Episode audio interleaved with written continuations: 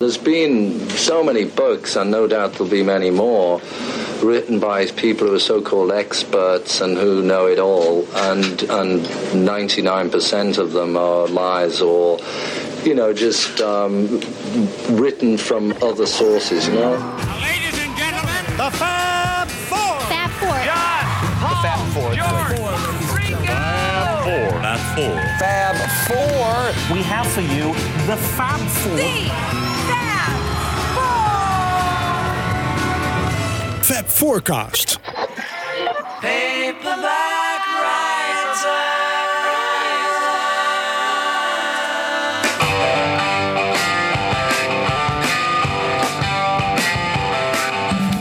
The idea is that this story, in my opinion, has never really been told properly before. And the idea is to press the refresh button on something that we think we know and to actually look at it again from the top to the bottom, from the side to the side, every, every which way, and do it properly.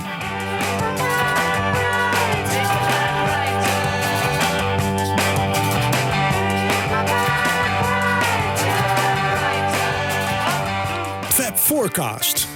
Ja, Fab Forecasters, welkom bij een nieuwe aflevering weer van Fab Forecast. Eh, speciaal eigenlijk, want eh, wij nemen voor het eerst op vanuit ons eigen huis.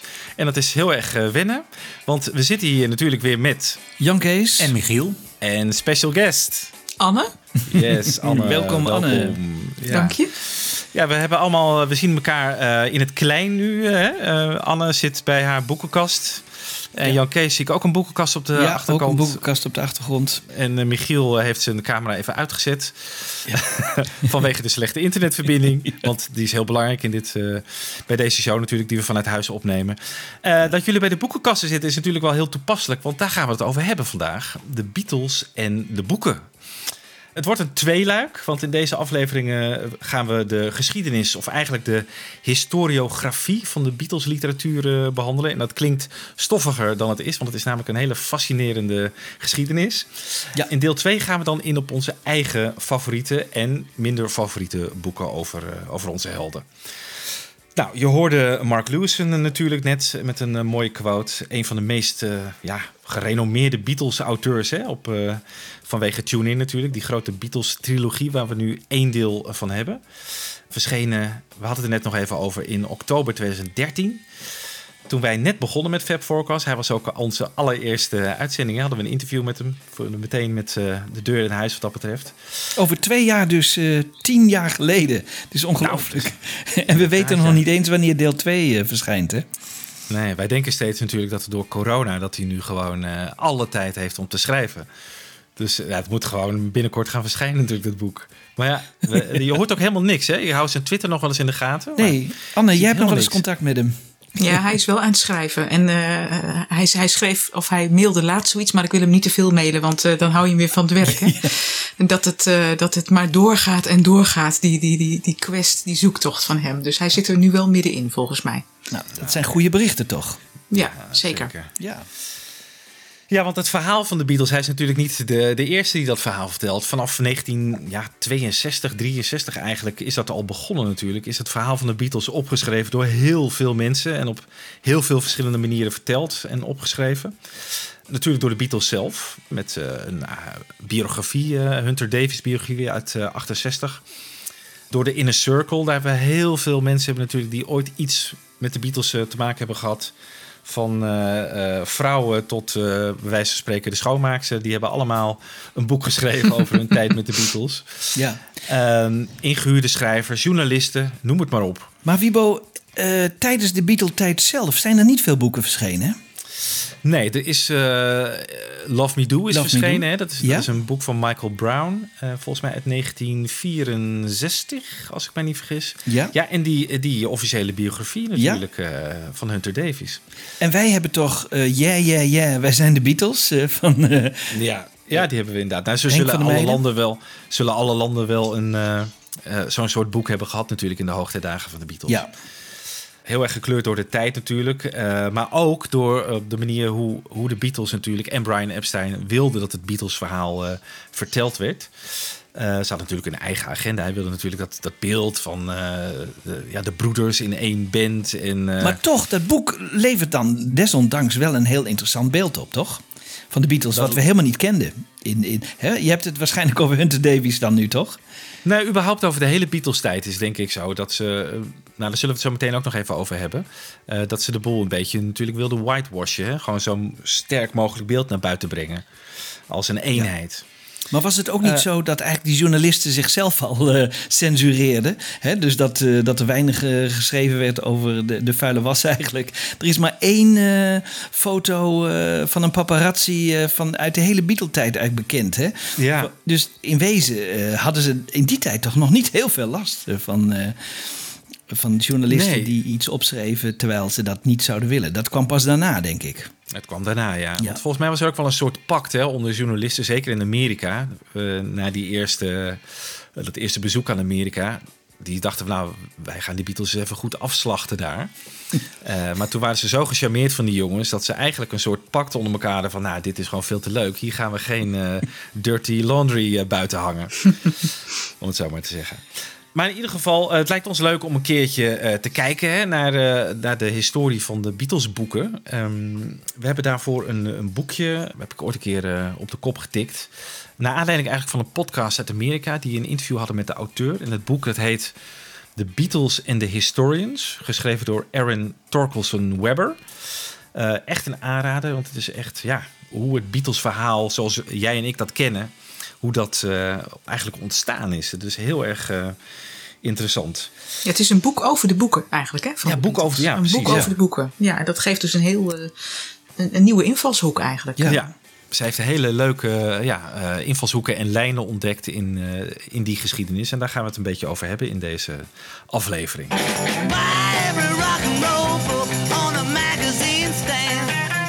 Anna, jij hebt het boek afgelopen week eh, gelezen. Ja. Wat maakt het boek zo uniek volgens jou? Nou ja, het, het stond ook al langer op mijn lijstje, want jij had het al eens getipt. En eh, nou, Ja. je weet, er is zoveel aanbod. Dus voordat je dat dan oppakt, eh, nou ja, dat duurt dan even. Maar het was een hele mooie om in de aanloop naar deze show te lezen. Ehm, wat opvallend is, is dat het boek is geschreven door een vrouw. En waarom is dat zo opvallend? Eigenlijk is eh, eh, de hele Beatles-bibliotheek is zo'n beetje door mannen geschreven. En dat is niet erg, maar zij domineren het genre. En de vrouwen die over de Beatles schreven, dat waren toch vooral ook de vrouwen die zelf betrokken waren in die inner circle van de Beatles. Hè? Cynthia, Patty, hè? eh, over Patty Boyd, over haar leven. May Peng, Julia, de jongere zus van, eh, halfzus van John Lennon. Dus die eh, journalistieke blik, misschien met uitzondering van Maureen Cleave of zo, die is niet zo vrouwelijk. Dus dat is leuk dat deze vrouw juist het boekje over de boeken van de Beatles heeft geschreven. En eh, er zijn ook heel weinig boeken die zich bezighouden met de manier waarop die geschiedschrijving van de Beatles zich heeft ontwikkeld. Dus het- een heel nieuw perspectief eigenlijk op Ja. het verhaal. Volgens mij is zij de enige die dat heeft eh, Nou, gedaan. misschien wel. Ja. Ja. Ik, ik heb nog nooit een, een soortgelijk boek ontdekt. En ehm, nou ja, zij is zelf historica. Volgens mij heeft zij het ook geschreven om haar. Ze geeft ook les. Ja. Om aan haar klas uit te leggen. Eh, hoe werkt dat nou met die historiografie? Hoe werkt dat nou als ehm, historici, schrijvers over een bepaald onderwerp uit de geschiedenis schrijven? Eh, dan krijg je dus allerlei verschillende blikken op zo'n verhaal. Een narratief, of ik weet niet of je dat in goed narrative, zeggen ze in het Engels, of daar een goed Nederlands woord voor is. Kijk, er zijn natuurlijk bibliotheken volgeschreven over de Eerste Wereldoorlog, de slavernij, het Romeinse Rijk, noem het allemaal maar op. En eh, je ziet dus dat ook de manier waarop geschreven is over dat soort grote onderwerpen, dus ook door de jaren heen, eh, verandert. En het, ook het perspectief daarop kan veranderen. En er, zijn dus, er is weinig geschreven over culturele fenomenen zoals de Beatles. En zij is dus in dat Beatles-verhaal gedoken en zij heeft eh, uitgezocht hoe heeft zich dat verhaal, de manier waarop dat verteld is, de afgelopen decennia ontwikkeld. Ja. En het schijnt dus ook dat het eh, nou ja, bewezen is dat het enkele jaren duurt, 50 jaar zelfs, voordat eh, een goed perspectief, een goed verhaal ontstaat, toch? Ja, ja, want er zijn natuurlijk eh, direct na de gebeurtenissen zelf is dat heel erg gekleurd natuurlijk door de belevenissen van de mensen. En daar kun je er nog niet echt afstand van nemen. En eh, dat is wetenschappelijk onderzocht, hè, dat het ongeveer 50 jaar duurt voordat je eh, daar eigenlijk het echte verhaal kunt vertellen. Dus dat betreft is Mark Lewison eh, precies op tijd eh, Ja, begonnen. Hè? Ongeveer 50 jaar na, na dato. Ja, en zij, en zij, want je zegt het, het verhaal van de Beatles, Anne, maar het gaat in haar boek, eh, en dat laat ze ook heel mooi zien, vooral eigenlijk over een aantal aspecten binnen dat verhaal. Hè. Dat is de, van wie was het grote genie binnen de Beatles? Was het Ja. nou Lennon of McCartney? Waar ligt het zwaartepunt? En eh, wie is de hoofdschuldige van Ja. de break-up? Hè, Ja. Dat is eigenlijk Ja. waar bij Hunter Davies ging het daar natuurlijk nog niet over. Maar daarna, in de narratieven daarna, zie je heel duidelijk dat dat eigenlijk eh, is waar alle schrijvers hun eigen perspectief kiezen. En er dus geen eenduidigheid is. En ook geen eenduidige manier waarop we naar die Beatles kijken. Ja, dat is echt fascinerend, hè? Ja, Ja, hoe, dat, ja. hoe zich dat dan ontwikkelt. En hoe we daar nu, of schrijvers van nu, daar heel anders naar kijken dan, eh, laten we zeggen, begin jaren zeventig. Ja. Ja. Wat, wat mij dan zo opvalt eh, aan het boek is dat het zo dat er kennelijk binnen dat, dat Beatles wereldje, het Beatles boekenwereldje, zo'n drang is om een kant te kiezen. Ja. Dus dat we nooit zeggen Lennon en McCartney zijn samen geniaal geweest. Dat is eigenlijk nooit het dominante narratief geweest. Nee. Maar altijd van we leggen een accent bij één van de twee. En dat is dan heel lang Lennon geweest. En pas later wel- is dat wat gekanteld. Ja. Maar dat vind ik zelf zo opvallend. Van waarom is die neiging er om, om altijd zeg maar zo meer politiek en gekleurd naar die geschiedenis te kijken? Dat, dat Ja. vind ik zelf wel boeiend. En soms ook verwondert mij dat. Ja, en dan zijn we eigenlijk zelf ook in die fuik eh, getrapt natuurlijk. Want ik heb, toen ik Beatle-fan werd, heb ik ook meteen al een Beatle gekozen als favoriet. En het was Paul. En ik wist wel dat Paul altijd eh, toch een beetje de suffe liedjesmid was. Hè? En die moest, ik had altijd het gevoel dat ik hem moest verdedigen ten opzichte van, eh, van vrienden. Die waren altijd Lennon, want ja, Lennon was stoer en een rebel en zo.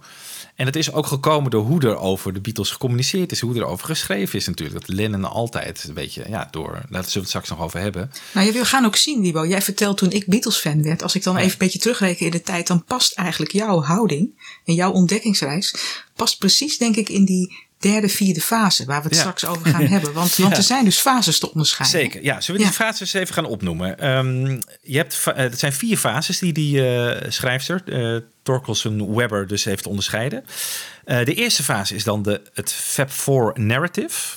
Dat is de periode van 1962 tot 1970. Dus de periode dat ze bij elkaar waren.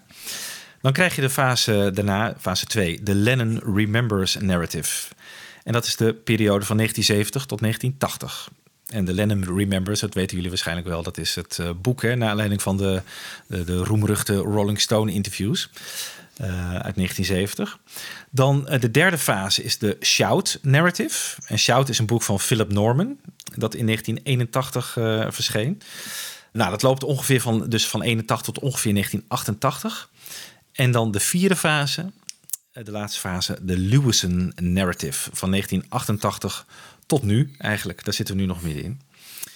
Ehm en fase 3 en 4, die lopen een beetje in elkaar eh, over. Want ehm, ja, de opkomst van Lewison's naslagwerk kwam ongeveer, wanneer was het jongens? 1987. Ja. Ja. En eh, nou ja, dat had natuurlijk invloed op die boeken die er allemaal daarna kwamen. Dus Lewison is echt wel een waterscheiding ook geweest.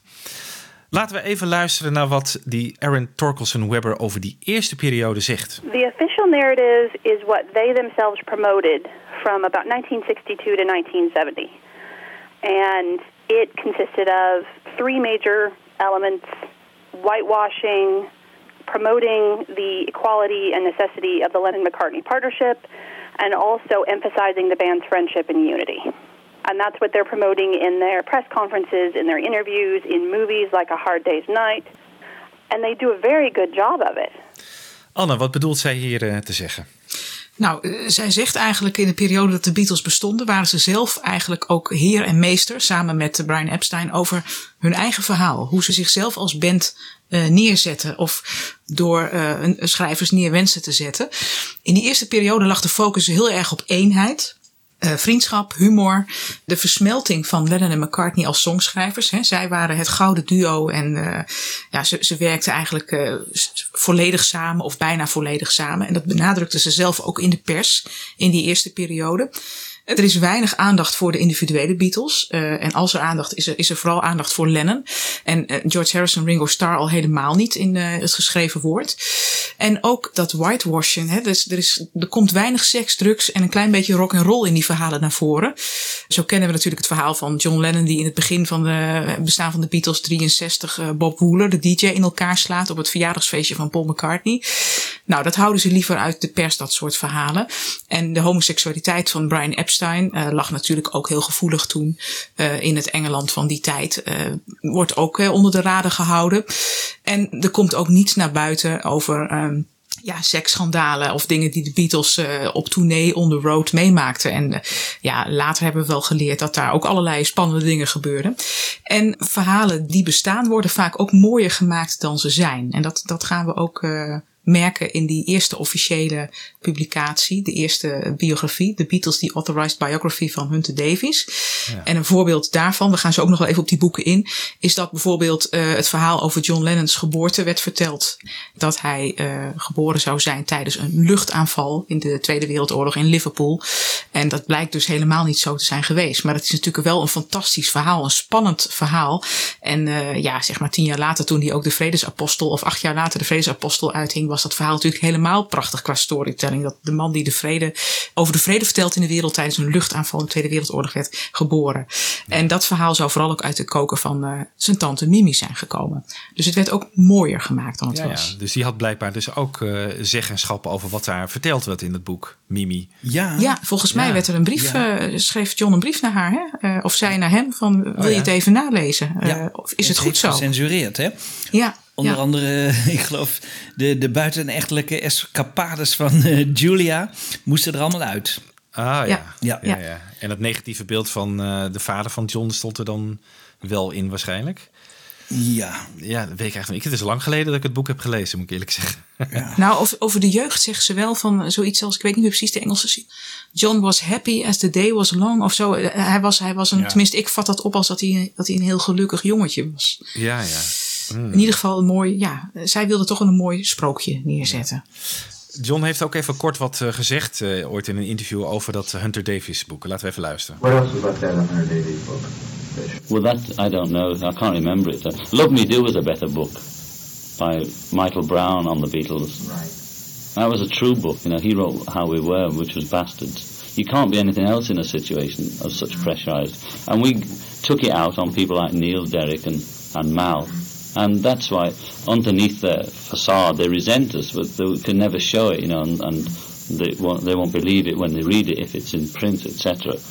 But they had they took a lot of shit from us because we were in such a shitty position, you know. It was hard work, and somebody had to take it.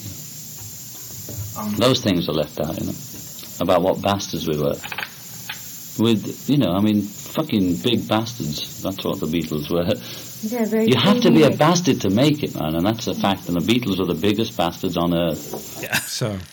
ook allemaal weer een beetje zwaar aangezet, toch? Ja, zoals ze van John eh, gewend zijn natuurlijk. Ja. ja. Maar ik geloof natuurlijk wel dat er een hele hoop uh, gewoon onder de tapijt is geschoven. Toen Ja, ja, nooit naar buiten is gekomen. Maar Wiebo, je moet wel bedenken, in die tijd, ik kan me dat nog herinneren. Als je dat boek kocht, nou, dat was een, een openbaring. Want we hadden nog nooit gelezen hoe Beatles, hoe ze een nummer schreven. Of hoe dat thuis was. Hoe dat er Nee. thuis uitzag. Dat soort dingen allemaal. eh, hoe, hoe hun hele historie was. We hadden nog nooit over Julia gehoord. Hè? Wel in het nummer, maar nog niet eh, het verhaal van Julia. Dus eh, het was echt een ongelofelijke openbaring. Dat is echt, nu zeggen we ja, er ontbreekt heel veel. Maar we moeten wel bedenken, voor die tijd wat je al kreeg. Nou, dat was ongelooflijk. Dat was het eerste boek wat echt een beetje inzicht gaf in die hele Beatle-historie. en, en ook hoe ze op dat moment leefden. Nou, dat was geweldig. Dat was echt eh, fantastisch. Ja. Maar we hadden natuurlijk al wel dat, wat, wat John net ook zei, dat boek Love Me Do gehad van Michael Brown. Ja. Eigenlijk een soort, ja, ik noem het altijd een beetje een soort eh, Hard Day's Night eh, in boekvorm. Daar gaat hij echt gaat mee op tournee. Hè? Daar zitten ook al wel bepaalde passages in. Wat ik denk van, nou, best pittig. Ja. En, en eh, dat boek Brian Epstein over whitewashing gesproken, dat A Cellarful of Noise, dat, dat is één groot whitewashing boek natuurlijk. Niks over de homoseksualiteit van, van Brian natuurlijk.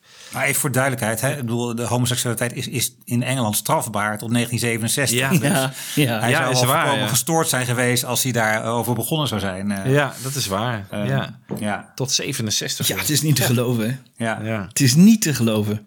Dus als hij bekend maakte dat hij dan homoseksueel was, dan zou hij eh, een boete krijgen of zo. Nou, volgens mij dat, dat niet, maar meer vooral het praktiseren volgens mij eh, waar het probleem dan ligt. Maar dan kom je misschien wel binnen de radar van instanties waar je helemaal buiten wil blijven. Dus dat zou dan problemen kunnen hebben opgeleverd. Ja. Ja.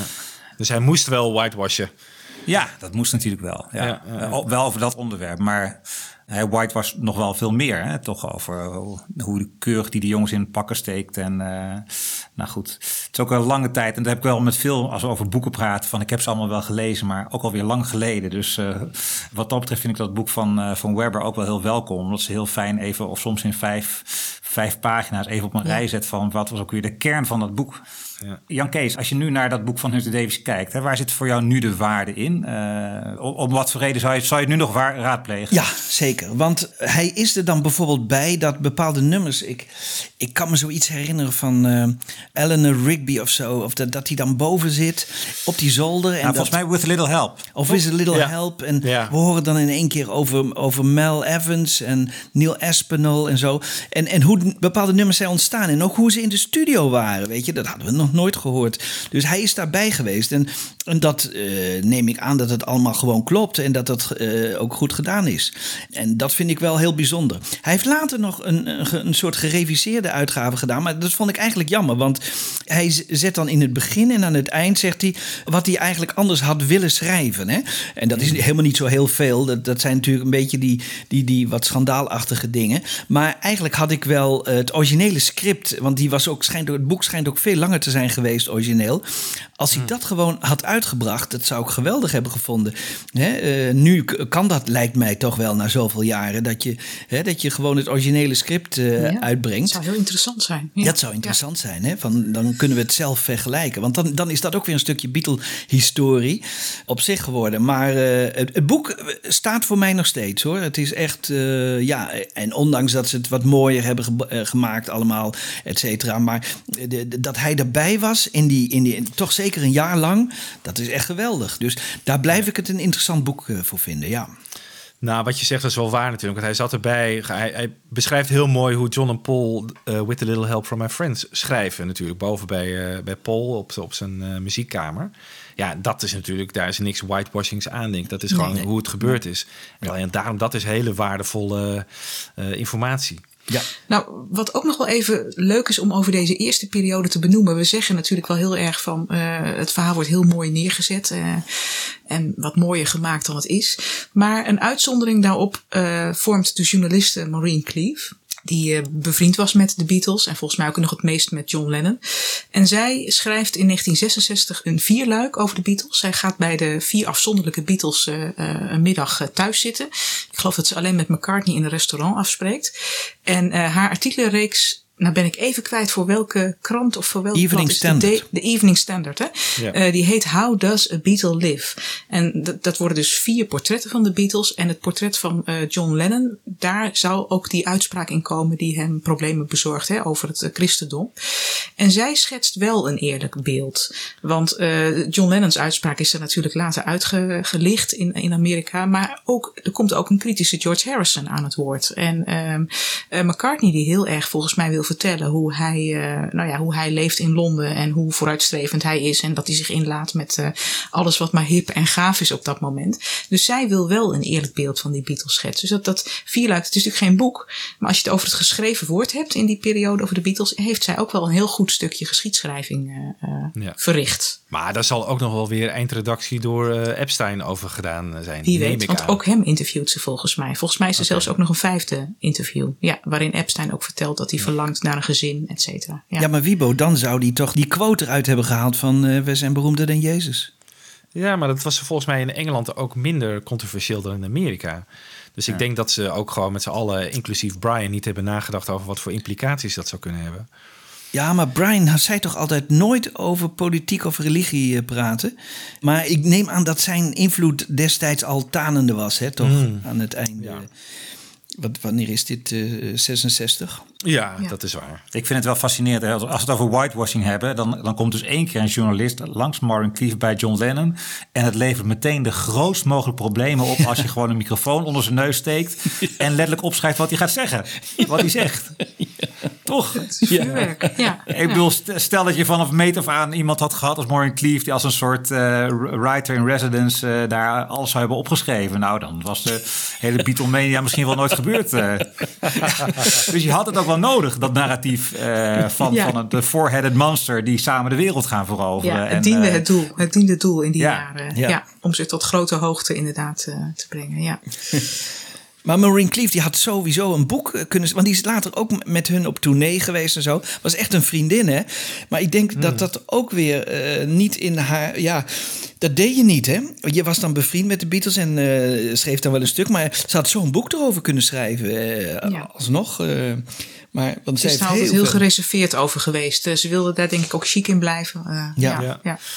Nou ja, dat, dat hele mooie beeld natuurlijk dat we hebben, dat stort een beetje in één. Hè? In eh, eind 68, begin 69. Drugsverhalen komen naar buiten natuurlijk. Arrestaties, Ellen Klein, de drie tegen één situatie. En het barst helemaal uit elkaar op 10 april 1970. Dat is natuurlijk de dag dat eh, die persverklaring van, eh, van Paul naar buiten komt. eh, waarin, ja, met zoveel woorden het einde van de Beatles eh, is aangekondigd. Terwijl John natuurlijk in september 69 al uit de band wilde, maar het stil moest houden van eh, Ellen Klein. En daarna breekt de tweede fase aan.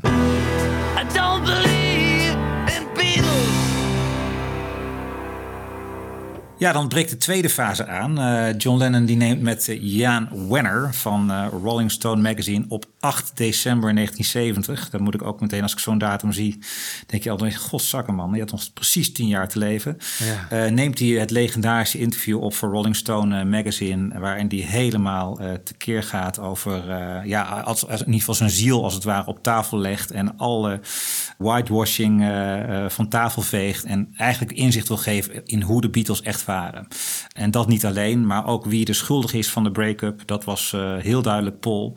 Hoe het eigenlijk onverdraaglijk was om eh, met Paul in één band te zitten de afgelopen jaren, twee, twee jaar zo'n beetje. En hij laat ook heel duidelijk zien, wat we net eigenlijk al hoorden dat interviewfragment, van de Beatles waren gewoon klootzakken. Eh, en ze neukten zich helemaal suf op tour. En dus je krijgt eigenlijk van een whitewashing van een prachtig beeld van, van eenheid en de four-headed monster krijg je opeens een totale, een, naakte, eerlijke vertelling van wie de Beatles echt waren. En dat wordt het dominante, althans zo noemde Webber dat dan, het dominante narratief in de, in de minstens tien jaar daarna. Van wie was nou het ware genie en hoe zat het nou eigenlijk binnen de verhoudingen, hoe waren de verhoudingen binnen de Beatles zelf. En daar zie je dat Lennon de, de leider was, maar ook het artistieke genie. En wie was er schuldig aan de break-up? En dat was Paul. Dat wordt eigenlijk gewoon in de, in de jaren daarop zie je dat Lennon de, de figuur is die ehm, ja, ook in de pers, de pers aan zijn zijde heeft, samen met Yoko Ono. En is zit Paul in het verdomhoekje. Michiel, heel even. Waarom, hij zet dan eigenlijk de toon voor de komende tien jaar, hè? Maar waarom is hij op dat moment zo boos? Hij zit natuurlijk sowieso in een, zelf een persoonlijke moeilijke periode. Hij zit in, zelf in therapie. Uh, hij zit zwaar onder de drugs. Uh, hij is nog flink verslaafd op dat moment. Ik, ik, denk ook nog wel dat hij aan de heroïne zit. in ieder geval aan de methadon. hij is in ieder geval nog zwaar onder de drugs. Onder de invloed.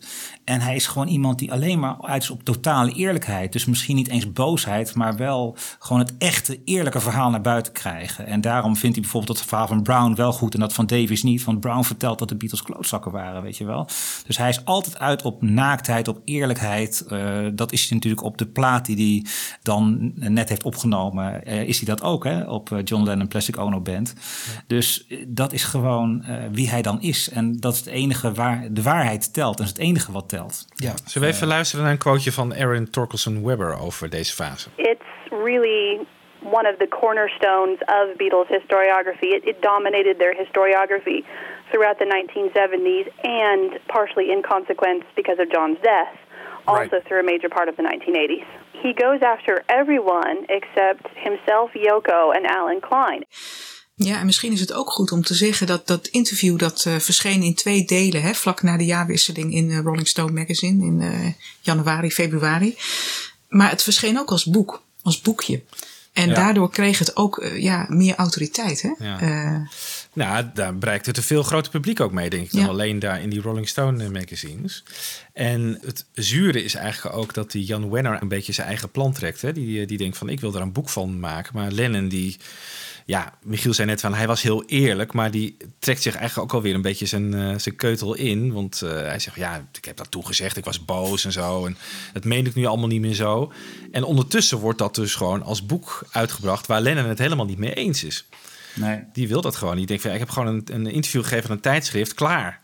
Ik was op die dag zo. En misschien eh, als je me een dag later had gesproken of een week later, dan had je een heel ander verhaal gehad. Ja. En zo was Lennon in die tijd ook wel. Ik denk dat je dan ook een echt ander verhaal had gehad. Ja. Maar, ja. Bijzonder hè, dat dat dan de komende tien jaren ongeveer gaat bepalen. Ja, en ook heel veel schade toebrengt aan, eh, aan McCartney eh, natuurlijk. Want wat doet McCartney?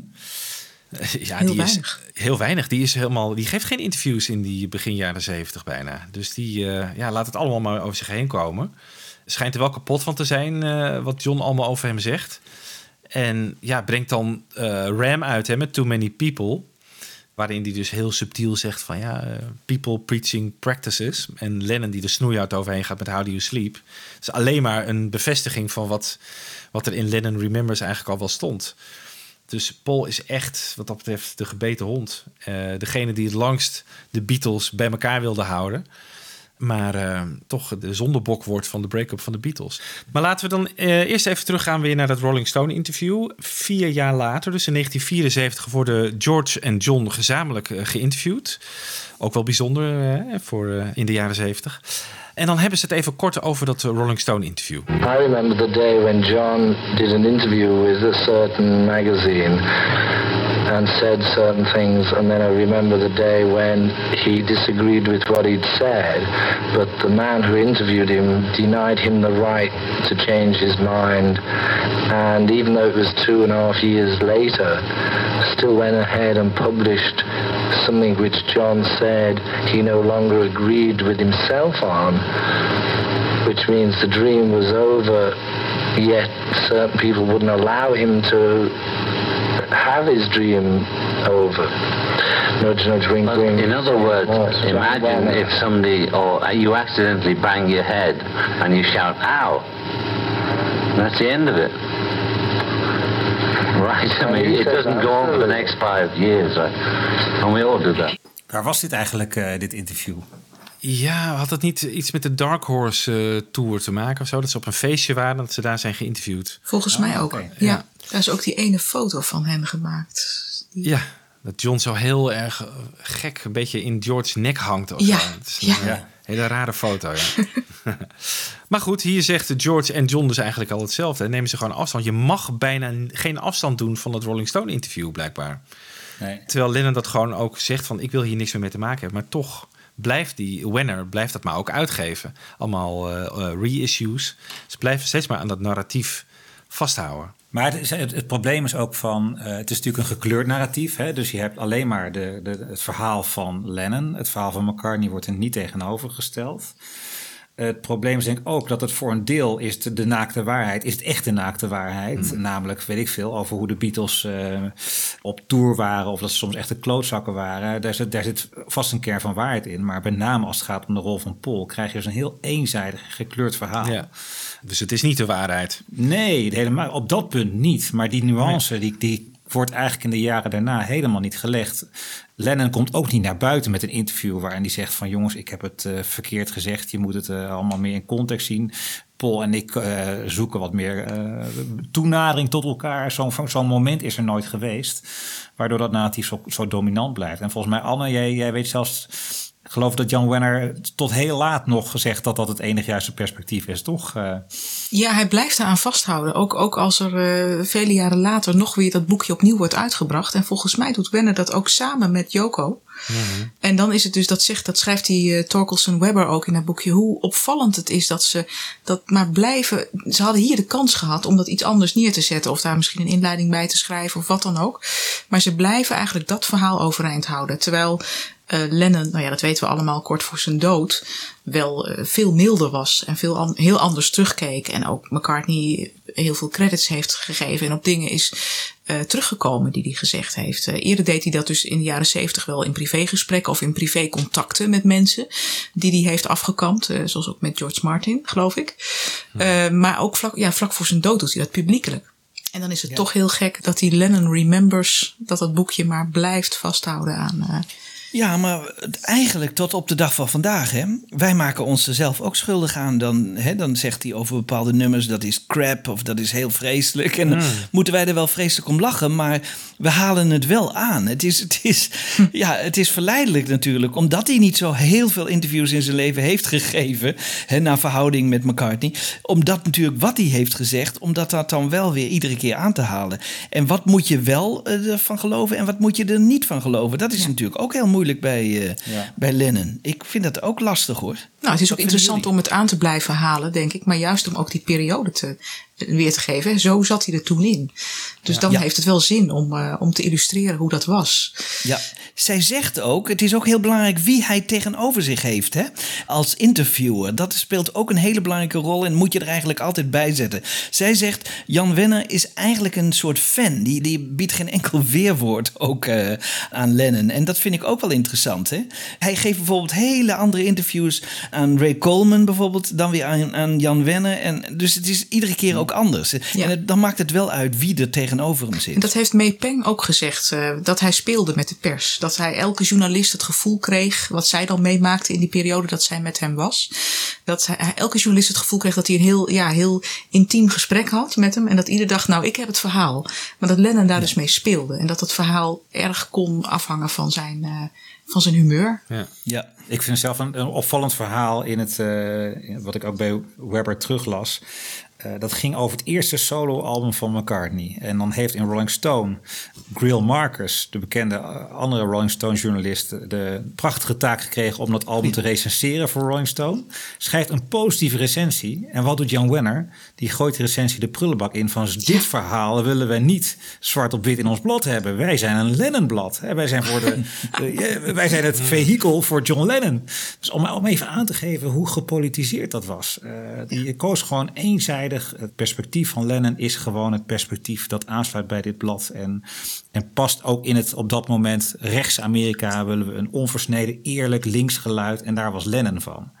Dus ja, dat is ook wel best een opmerkelijke. Toen ik dat las, dacht ik van jeetje, wat is dat eigenlijk een politiek verhaal eigenlijk? Ja. Welke boeken kwamen eigenlijk in de slipstream van dit Rolling Stone interview uit? Die dus eigenlijk dit narratief, dit Lennon Remembers narratief, overnamen.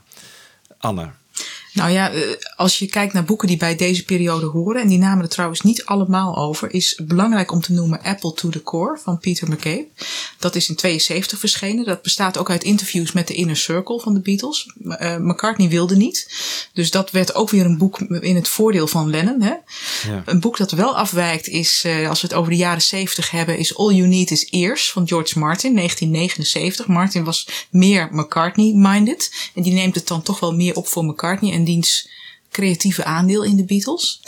Wel opvallend om even te noemen, ook nog net horend bij de jaren 70 is, of eigenlijk 1980 is I Me Mine van uh, George Harrison. Hij noemt John nauwelijks. En John is daar natuurlijk heel boos, of natuurlijk, maar die is daar heel boos over. En uh, dat zijn eigenlijk belangrijke werken die Webber bij deze periode markeert. Het is dus wel zo, uh, maar daarmee gaan we al een beetje richting de volgende periode, dat er wel grote boeken zijn verschenen die echt duidelijk in die uh, Lennon Remembers slipstream meegingen. Ja, waaronder dus het boek waar fase 3 mee aftrapt.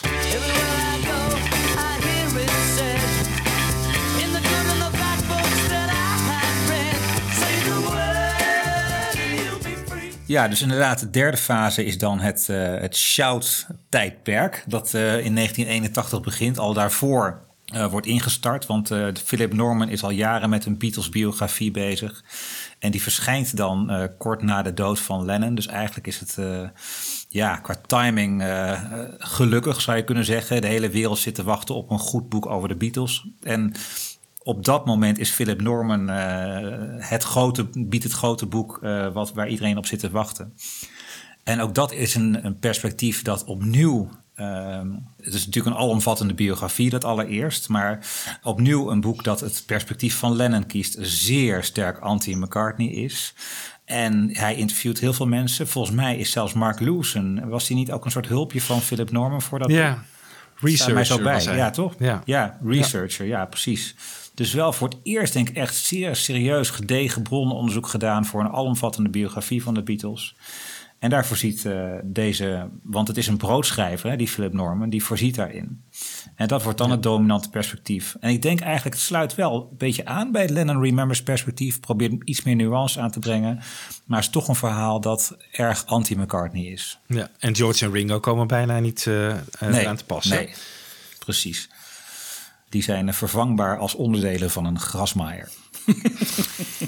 Ja, en John Lennon wordt ook vanaf dit punt echt ook wel de heilige. Hè? Versterkt Ja. door, eh, door zijn dood, door de moord, door het verdriet van de wereld. Dus wat eh, Norman neerzet, al is het misschien iets genuanceerder. Maar toch dat pro-Lennon verhaal, dat gaat nu tot grote hoogte stijgen.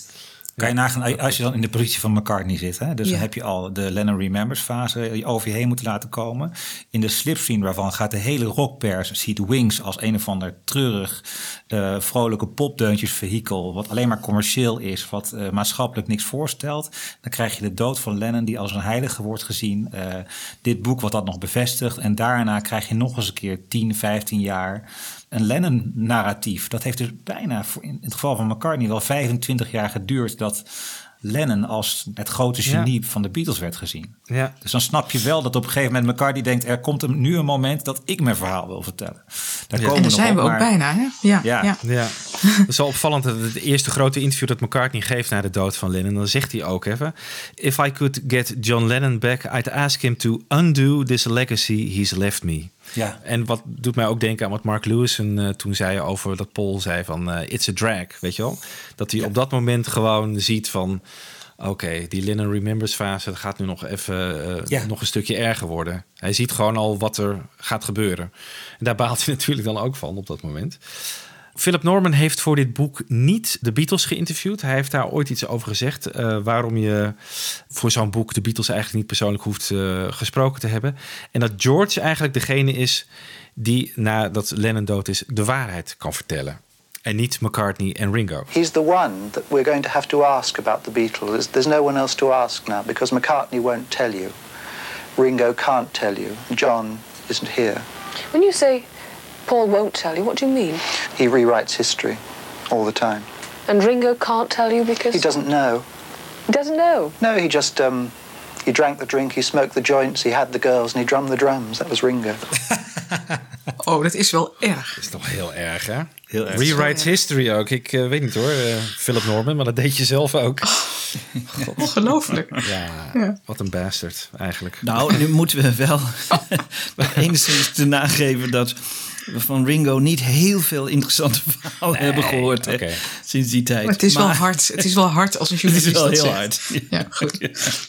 Wat zegt eigenlijk uh, Torkelson Webber over deze derde fase, dus de shout narrative? If you read the major works of the Shout narrative, something like Shout, uh, particularly in the first edition, George and Ringo barely exist, or something in Ray Coleman's biography of John, Ray Coleman's Lennon, he claimed that Elliot Mintz was closer to John than any of the Beatles. And it's a, a statement of pretty severe absurdity. But yes, Paul, particularly in something like Shout or Ray Coleman's book, there's an enormous amount of evidence to indicate, and Philip Norman at least has admitted, he went into that book with an anti Paul McCartney bias. And he wrote a book that has a significant number of methodological flaws in order to promote John and essentially criticize Paul and ignore Ringo and George. Was het niet Philip Norman die dan een paar jaar later Paul weer helemaal... eh, Nou ja, als je het Eh. hebt over agenda's, als dit een broodschrijver was, ja, als je naar je volgende opdracht gaat, dan, eh, ja, dan Ja. kan je perspectief ook eh, ineens. Hij is wel een van de weinigen in deze Lennon Remembers eh, eh, aanhangers, zeg maar, die eh, teruggekomen is op zijn oordeel over, eh, over McCartney. Hè? Ja, dat vind ik wel weer voor hem pleiten. Dat wel, ja. Alhoewel hij wel gewoon eh, dat boek Shout gewoon wel allemaal reissues heeft gehad zonder Juist. aanpassingen erin. Ja, ja, dus dat vind ik weer gek. Ja, dat is ja. weer gek. Maar hij schrijft inderdaad een biografie eh, over Paul McCartney. Waarin eh, McCartney veel meer eh, als eh, een creatief equal van Lennon wordt neergezet.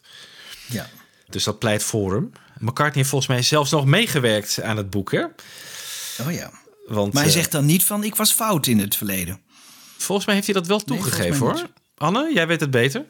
Hij heeft het volgens mij toegegeven. En ik denk ook dat ik dat in het boek van Webber heb gelezen. Maar dat moeten we, daar moet het boek even op naslaan nog. Ja. Oké. Wat is de rol van Yoko Ono in het hele verhaal, jongens? Want dat vind ik ook interessant. Ehm, zij is ook niet bepaald degene die een, eh, gebaat is bij een meer genuanceerd verhaal over de rol van Lennon. Dus zij zet die, die boekjes van, van Jan Wenner, zij jaagt het volgens mij alleen maar toe dat die gepubliceerd worden. En Ja, ik denk dat zij bepaald ook niet rouwig was om het verschijnen van, ehm, van, Shout. van het boek Shout. Nee. Nee, die kon het mooi onderschrijven natuurlijk. Dat eh, onderstreept eh, de heilige Lennon natuurlijk. Ja. Ik vind het ook zo opmerkelijk dat zij, zeg maar, dat zij de genotenbenen het oordeel aanmeet over de muzikale kwaliteiten en invloeden van McCartney binnen de Beatles. Dan denk ik echt van, god, dat gaat wel heel erg ver, hè? Ja. en McCartney maar eh, op zijn tong bijten en maar al die jaren stil zijn. Ik heb er Ja. ook wel een bepaalde manier van respect voor, voor McCartney. Dat hij, dat, dat hij niet, de- die vuile was buiten hangen, daar doe ik niet aan mee. Obviously, when John's tragic death, it became very much naturally centered on John as the sort of um, spirit behind the Beatles, which, you know, in many ways is quite right. But I think, unfortunately, I think some people tended to overdo that and assume he was the only thing in the Beatles in many ways, you know. So I think really that i- it was a question of me thinking, well, I'd better stick it down now before the memory goes completely, which is going fast. You know, even as we speak, it's ebbing away. Um, and I'd better get with someone I know and can trust, like Barry Miles, um, who wrote the book, to actually just put forward my side of things. You know. I think many years from now is very much a direct response to Shout. We have we have evidence that Paul hated Shout with good reason, and it's also a response to Lenin Remembers. It took him 27 years or so after Lenin Remembers to come up with it. Toen ik deze lijn dus helemaal las hè, in dat Webber-boek, toen drong dat ook tot mij door. Hoe lang die periode eigenlijk is geweest. Natuurlijk had hij zijn handen ook vol aan eh, een jong gezin en met Wings eh, de wereld over en het maken. En de- de- uiteindelijk, hè, na moeizame aanloop, eh, is hij daar ook heel erg in geslaagd. Dus hij had het ook druk, denk ik. Maar hij had natuurlijk makkelijk, hij had heel veel gelegenheid kunnen pakken, kunnen hebben om zijn kant van het verhaal eh, te vertellen. En daar wacht hij dan dus mee tot, ehm Tot dan many zit hij years inmiddels in. now. Ja. 97. Ja. Ja. Maar luister even, Anne, die jaren tachtig die zijn voor elkaar natuurlijk desastreus. Hè? Ik bedoel, hij treedt niet op. eh, eh, de, de mislukking van Broad Street. eh, de ruzie met de Beatles. Ja, het is niet zijn finest dan hour. een hoger percentage aan royalties, et cetera. Daar krijgen ze ruzie over. Het zijn wel ook moeilijke jaren voor hem. En het is misschien ook nog te vroeg hè, om echt je, je eh, legacy te claimen. Zo vroeg nog na de dood van Lennon. Als je dat Ja, al ja. in 1985 doet, dan denk je van ja, hallo, dit is. eh, maar 97 is er misschien genoeg tijd overheen gegaan om dat eh, wel naar buiten te brengen. Dat doet hij ook met Many Years From Now. Ja, dat Ja, en al eerder eigenlijk, hè, want het zit al een beetje in het boekje, de tourboekje uit 89. Eh, daar Ja. gaat het bijvoorbeeld over de avant-garde McCartney. Iedereen ziet Lennon als de experimentele Beatle die interessante geluidsexperimenten opneemt en met eh, de avant-garde flirt. Maar McCartney corrigeert dat beeld al vanaf 89. Dus het gaat een beetje, het zijpelt een beetje zo door, maar het wordt echt bezegeld, eh, die, dat beeld, met, eh, met zijn biografie Many Years From Now. Ja, hij gaat die regie pakken in dat tour, vanaf dat tourboek, zeg maar. Dan gaat hij Ja. zijn verhaal vertellen. Ja. En dat is ook de, eigenlijk die eindperiode dat Lewison met zijn boek komt, hè, de recording history. eh, Ja, dan gaat alles draaien, alles gaat sessions. veranderen in die jaren. Ja. Ja. Het loopt allemaal samen inderdaad met de vierde periode hè, die dan aanbreekt. De Lewison Narrative.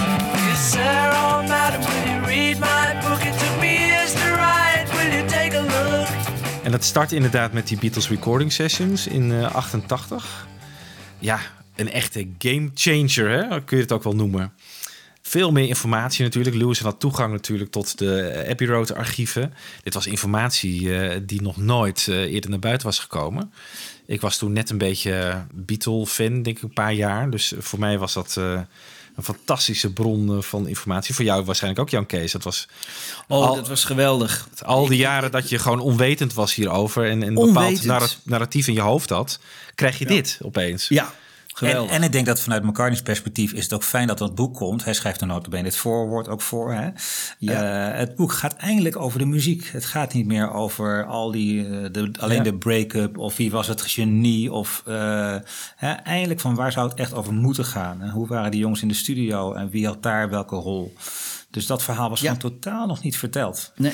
De Lewis narrative dus. Laten we even luisteren naar wat eh Torkelson Webber daar weer over zegt. when you get that release of primary sources in the late 80s, that's when you see a major shift in what authors are saying, what methodology authors are using, and probably some of the and this this snowballs on itself. You can see it in secondary sources like Ian MacDonald's Revolution in the Head, and you can see it in further secondary sources, not just those done by Lewison, although his research really serves as the the basis for a lot of these narrative shifts.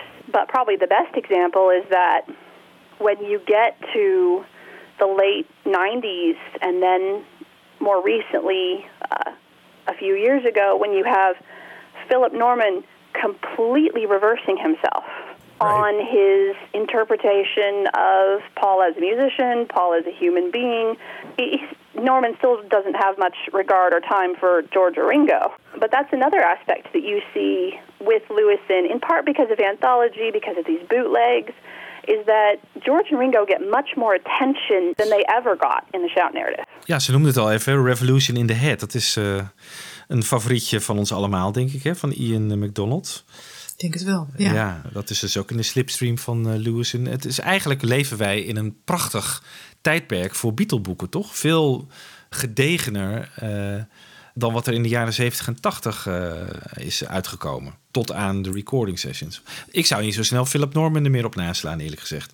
Misschien puur Nee, nee. vanwege eh, een historisch onderzoek of zo. Maar niet gewoon om mij te vertellen van... wat is nou het Beatles-verhaal? Nee, je hebt gelijk. Wij, wij zitten in een tijd waarin eh, de, de deuren, de poorten opengaan naar, nou ja, wat is de waarheid? Maar we komen er wel steeds dichterbij. Met name ook wel door het werk dat Lewison heeft gedaan en dat anderen aanzetten om eh, thematisch daar weer op voor te bouwen, denk Ja. ik. Maar ja, ik vind het zelf eigenlijk nog een soort voorvraag. Hè? Want we hebben dan nu de Lewison narrative. eh, dat zit in recording sessions. zit ook wel in de Beatles Chronicle van een paar jaar later. Natuurlijk weer... Beatles Live, ja. eh, ja, precies ja. En daarna in, eh, in de tune-in. Maar wat mij betreft is er nog een soort voorvraag. Die heeft Lewison natuurlijk ja, positief beantwoord. Maar eh, verdient een gewone popgroep, hoe groot ook... Hè, verdient die een benadering in de geschiedschrijving... die eh, de Beatles als het ware gelijkstelt qua onderwerp aan... inderdaad de Eerste Wereldoorlog of eh, Hitler... of het ontstaan van de Tweede Wereldoorlog. Hè, kan je, moet je een popcultureel fenomeen... groter behandelen dan met een enkele biografie van 500 pagina's... zoals Philip Norman deed. En ik denk dat we heel lang die vraag toch negatief hebben beantwoord. Pas in 2013 wordt duidelijk, of al denk ik iets eerder, tot in 2003, ge- besluit Lewison om eh, die heel gedegen aanpak eh, te kiezen en te zeggen van nee, er moet, zoals je van Mahler die zesdelige serie had, moet dat ook van de Beatles komen. Maar tot die tijd werd die vraag gewoon negatief beantwoord. Want had je gewoon aan al die boeken had je wel genoeg aan gewoon een goede biografie. Waarom zou je helemaal in de krochten van de voorouders van Ringo gaan zitten vroeten? Eh, who cares? Eh, En dat vind ik het knappe van Lewison, dat hij eigenlijk een, een nieuwe toon zet voor geschiedschrijving binnen de hele popmuziek. En de Beatles zijn natuurlijk het, bij uitstek het voorbeeld, denk ik, waar je die benadering op moet loslaten. Maar hij kiest voor een benadering die volstrekt uniek is in de popmuziek. Eh, geen enkele Ja. andere artiest is aan die benadering, eh, ja, eh, hoe noem je dat? Eh, Blootgesteld. bloot- blootgesteld, ja. Ja. Je zou kunnen denken, ja, wat dacht hij toen? Hè? Toen hij die, dat besluit nam, of natuurlijk, hij kreeg misschien ook de kans van een uitgever. Ik weet niet precies hoe dat gelopen is. Dat weten jullie misschien beter dan ik. Maar dat, dat zou nog wel eens heel leuk zijn om eh, van hem te horen. Wat hij op dat moment bij dat startpunt eh, dacht. En het was natuurlijk niet echt een startpunt, want hij had al, al zoveel andere Ja. vooronderzoek gedaan. Maar hij dacht ja. gewoon, denk ik, van nou ja, de Beatles zijn zo groot. Eh, Waar, ze, ze verschillen in essentie niet qua belang van een boek over, over de Eerste Wereldoorlog. Waarom Ja, zou je hij daar- zag dat. Ja, Ja. hij zag dat en hij besloot dat in zijn eentje. Eh, Volgens mij zegt Webber dat ook wel in haar boek. Er is echt afstand nodig. Er zijn jaren nodig, decennia, voordat je dat besluit echt kan nemen. Ja. In de jaren zeventig had hij dat nooit kunnen doen. En volgens mij is Lewison heeft hij zelf ook wel eens gezegd van... ik had er misschien eerder aan willen beginnen, want dan had ik wat meer tijd gehad. Eh, maar ik had er niet eerder aan kunnen beginnen, want ik was er het soort onderzoeken ook nog niet naar. Eh, Nee, hij is er naartoe gegroeid. Hè? En ook door zijn Ja. eerdere projecten die hij natuurlijk eh, nou ja, voor andere schrijvers en voor, voor de Beatles heeft gedaan. eh, de tijd was blijkbaar rijp. ja. Maar je zit dan toch wel als schrijver in een soort spagaat. Want aan de ene kant wil je natuurlijk nog graag de mensen spreken. Die, maar aan de andere kant, het, geheugen, dat zegt Lewison ook. Hè, het geheugen laat de mensen in de steek. Je kunt er niet meer na 50 jaar op vertrouwen. Dus je moet eigenlijk eh, afgaan op alle geschreven bronnen die er zijn. En die zijn er natuurlijk ook niet heel veel. En eh, dat is heel moeilijk. Hij had liever in de tijd zelf misschien wel de mensen willen interviewen. Maar toen was het eigenlijk ja, nog te vers en, en antwoordden de mensen misschien niet eerlijk. En nu is het misschien weer te laat, want dan, ja, eh, het, het geheugen laat die mensen in de steek of ze zijn dood. En dat is voor hem, lijkt me, ongelooflijk moeilijk eh, te behappen. Want eh, hij, soms is hij nog net op tijd, zegt hij wel eens. Hè? Dan ben ik nog net bij iemand geweest voordat hij doodging. Maar ja, dan na 50 jaar, wat kun je nog vertrouwen van mensen, hè, wat ze nu zeggen? We hebben het zo vaak meegemaakt, hè? ook in, in alle mogelijke onderwerpen, niet alleen Beatles, maar dat je eigenlijk niet meer kunt vertrouwen op het geheugen van mensen na 50 jaar. En hij wil dus ook alles checken en alles staven door dubbele bronnen en, en geschreven bronnen. En dat lijkt me bijna een onmogelijke opgave. Dat is een hele moeilijke. Dus eh, daar heb ik ongelooflijk veel bewondering voor. Ik moet altijd denken, volgens mij hebben we dat wel eens bij de Hey Jude show behandeld. Weet je wel, die man die op een gegeven moment boos Apple opbelde. En dat had McCartney in een interview gezegd van, die wist zelfs de naam van die meneer nog te noemen. Van Hm. ja, jullie hebben nu de Hey Jude op de winkelruiten gezet. En, eh, en dat je dan loosen bent. En dat je op een gegeven moment met zo'n verhaal geconfronteerd wordt. En dat je moet gaan checken van, ja, wie kan dat dan geweest zijn? Ja. Dus het is ook, ook een opgave, inderdaad, eh, Ja. die Norman zich nooit gesteld zou hebben, maar die Nee, ja, waar die nu wel, hoe, dat geeft ook aan hoe groot die taak is waar die voor staat. Die is gewoon gigantisch. En hoe groot is het resultaat tot nu toe eigenlijk ook? Hè? Dat mogen we wel zeggen. Het is natuurlijk subjectief. Maar ik bedoel, hij is niet voor in. niets ook heel invloedrijk Ja, maar- geweest in, naar de schrijvers die hem ook eh, volgen. Ja. Maar je ziet, er is altijd weer nieuw. Hè? Wij waren twee jaar geleden bij hem in Liverpool. En dat verhaal van Mean Mr. Mustard, nou, dat was echt geweldig. Ik bedoel, dat hij dan zo'n man nog vindt na 50 jaar. Dat laten anderen dus schieten. Dat doet hij. En door maar vol te houden en door te zetten. En al die kranten door te lezen. En dan vindt hij uiteindelijk Mr. Mustard. En dan, dan krijgt hij nog veel meer van het verhaal boven water. En dat is, dat is echt zijn kwaliteit. Dat is echt ongelooflijk. En dat doen anderen niet, hè?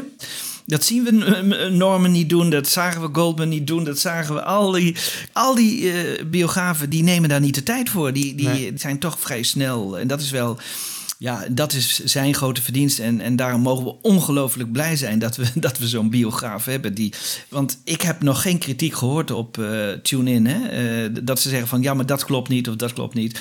Tot nu toe eh, doet hij het ongelooflijk goed. En ja. We hopen echt dat hij, eh, dat hij het Ja. blijft volhouden. Daar mogen de Beatles ongelooflijk blij mee zijn. Hè? Eh, of Maar de, zijn ze dat? de- Zijn ze er blij mee?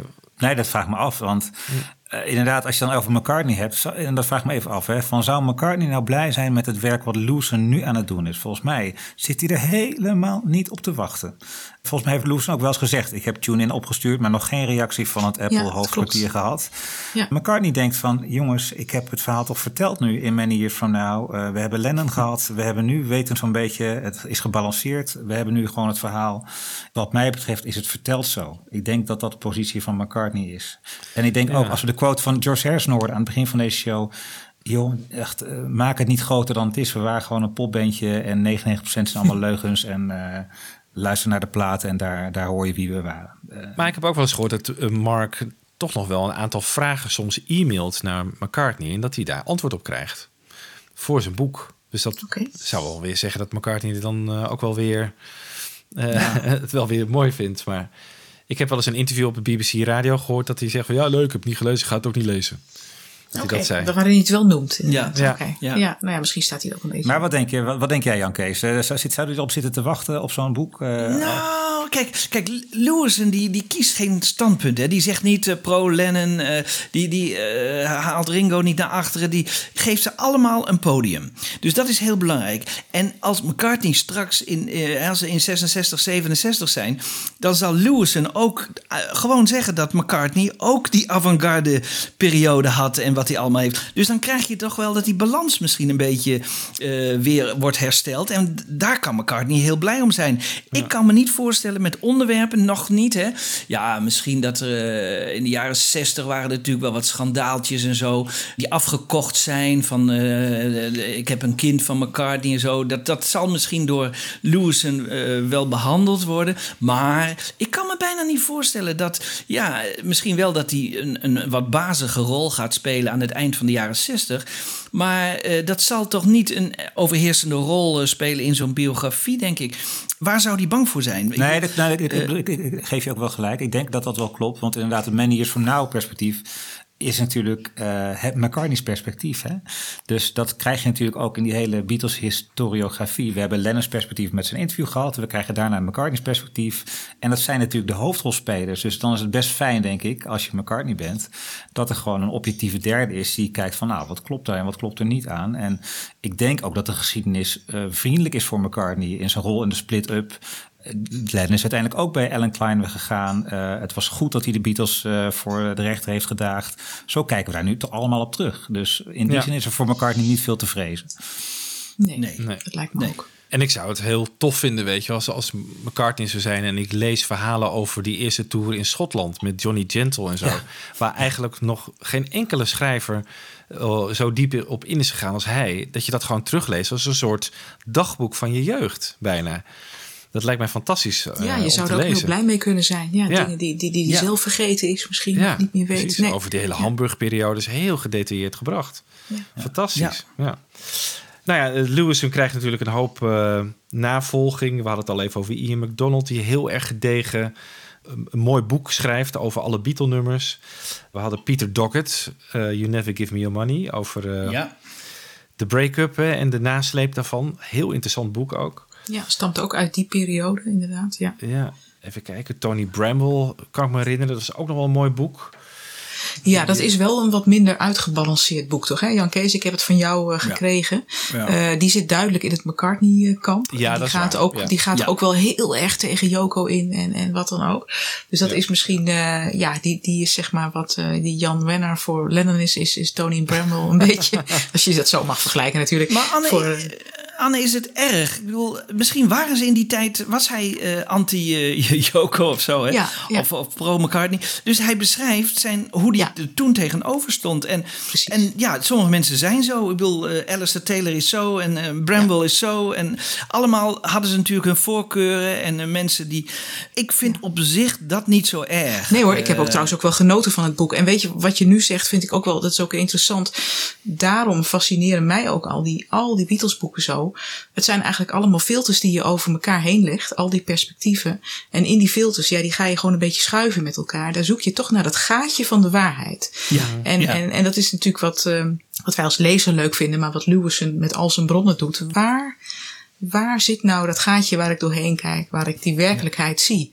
En eh, daarvoor moet je Bramble over, eh, over Jan Wenner heen leggen, zeg maar. En ergens eh, je conclusies trekken. Dus da- daarom Ja. is dit ook zo'n fascinerend onderwerp. Ja, vind ik ook. En, en echt, ook al heb je de meest vreselijke boeken, hè, toch zit er af en toe altijd nog wel ergens iets in waarvan je denkt: hé, hey, god, dat is een feit, dat wist ik niet en dat is te controleren. Ja.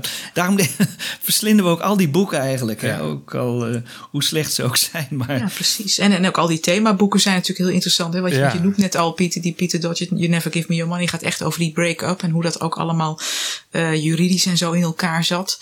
Dat hoort ook bij die periode, hè? Ja. Die, eh, die, die vierde periode, zeg maar, dat je dat soort boeken krijgt. En wat voor rol speelt dan het Beatles Anthology boek eh, hierin eigenlijk? Want dat is echt van de Treetles met archief eh, interviews met John er Ja. natuurlijk in. Dat is hun Ja. verhaal. Maar Ja. is dat weer een poging om periode 1 eh, weer een beetje terug te halen van de Beatles. Hè? De, de Fab Four narrative. Het is wel interessant. Je, je hebt daar natuurlijk toch de drie wat eh, mannen, ja, oud waren ze nog niet, maar toch mannen die eh, meer op leeftijd waren. En die ook met afstand naar hun eigen jeugd terugkijken. En daarnaast heb je dan John Lennon, die daar doorheen is gezet, zowel in het boek als in het documentaire, met zijn quotes. Hè. Ze wilden natuurlijk Lennon ook een stem geven, maar daarbij krijg je dus twee verschillende perspectieven van iemand die er midden- middenin zat en die drie Ja. anderen die, die terugkijken. Dat maakt het wel een interessant boek. Maar ik sla het niet snel na of zo. Ik bedoel, dat, hè, dat ik denk van, oh, even kijken. Nee, nee gek nee. nee, het, komt ook, het, is niet heel toegankelijk gepresenteerd. Eh, er is wel de keuze gemaakt van we laten alle vier de Beatles gelijk, in gelijke mate aan het woord komen. Maar je zit natuurlijk toch met de enorme handicap dat je van eh, Lennon hele oude interviews hebt. eh, waarvan we ook Ja. weer weten van ja, god, en onder welke invloed van, eh, van, van wie of welke middelen heeft hij dat en dat toen gezegd. Dus dat, is, dat maakt het boek hoe dan ook toch gemankeerd. Dus je hebt denk ik toch ook een boek als Lewison of een onderzoek als Lewison nodig om het, ehm, ja, het echte verhaal zoveel mogelijk te- te naderen. Hè? Dus ja, de invloed van Lewison is denk ik vooral ook een ander, ander onderzoeksmethode. Bijvoorbeeld, dat zie je bij Peter Doggett heel duidelijk. Die verantwoordt elke zin in zijn boek met een heel duidelijk eh, register aan het eind met voetnoten eh, of eindnoten. Waardoor je kan achterhalen van oké, waar, waar, hoe komt hij aan zijn bronnen? Dus er komt een andere Ja. manier van onderzoek doen en schrijven over de Beatles. Eh, Hij zet een nieuwe standaard neer ook, hè? Toch Ja. wel, Lewison. Ja. Ja. En je hebt het internet, en dat is ook, ook van invloed. Eh, het internet dat fouten uitvergroot, waardoor we eerder weten van oké, dat boek daar deugt helemaal niks van. En dat boek daar moet je juist zijn. Ik geloof dat. eh, En dat is ook sterk verbonden met deze vierde periode. Ja. Ja. Ja. Die invloed van het internet. Ja. Zij zegt ook, ze denkt dat in de toekomst meer boeken zoals van Doggett eh, gaan verschijnen. Hè?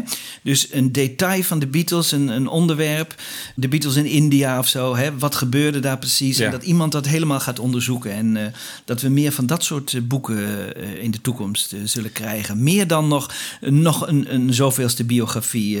die Ja, want dat verhaal, daar kan je natuurlijk niet meer overheen. Hè? Wat Lewis er nu aan het doen is. Ik denk van ja, dat is de standaard. Je hoeft nooit meer een overall Beatles boek te gaan schrijven, denk ik. Ja, of over vele, vele, vele decennia. Dat je dan eigenlijk eh, nog weer kunt, verder kunt terugkijken. Zoals we, Misschien. er zullen er verschijnen Ja. nieuwe boeken Ja. over de Eerste Wereldoorlog. En dat je dan nog op een andere manier kunt duiden van eh, hoe, hoe echoen ze nu nog na, zeg maar, in, eh, in deze eeuw of zo. Ja. Als we dan nog boeken schrijven. Nou jongens, ik denk dat we een mooi overzicht hebben gepresenteerd nu van de Beatles in boeken over een periode van, nou wat is het inmiddels, 60 jaar? Ja, en nadrukkelijk ook om dus niet al die boeken te noemen en compleet te zijn, maar eigenlijk om die grote lijn aan te geven in op de manieren waarop dat verhaal verteld is. Ja, precies. En in het volgende Ja. deel ga je dus eh, horen, luisteraar, ehm, wat onze favoriete boeken zijn. Dus eh, ik ben ook wel heel benieuwd eh, naar de keuzes van jullie eh, jongens. Maar dat gaan we dus in het volgende deel horen.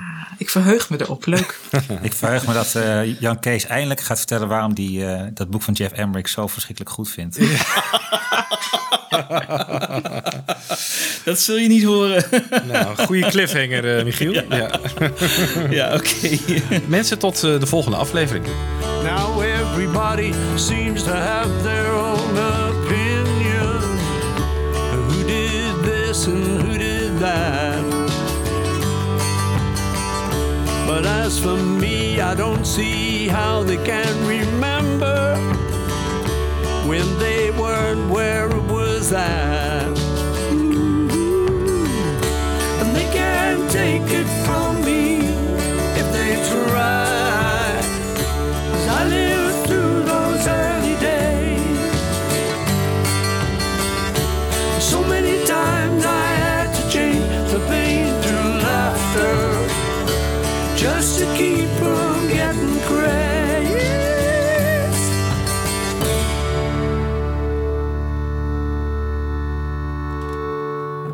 Forecast. Luister ook naar Fab Forecast via beatlesfanclub.nl.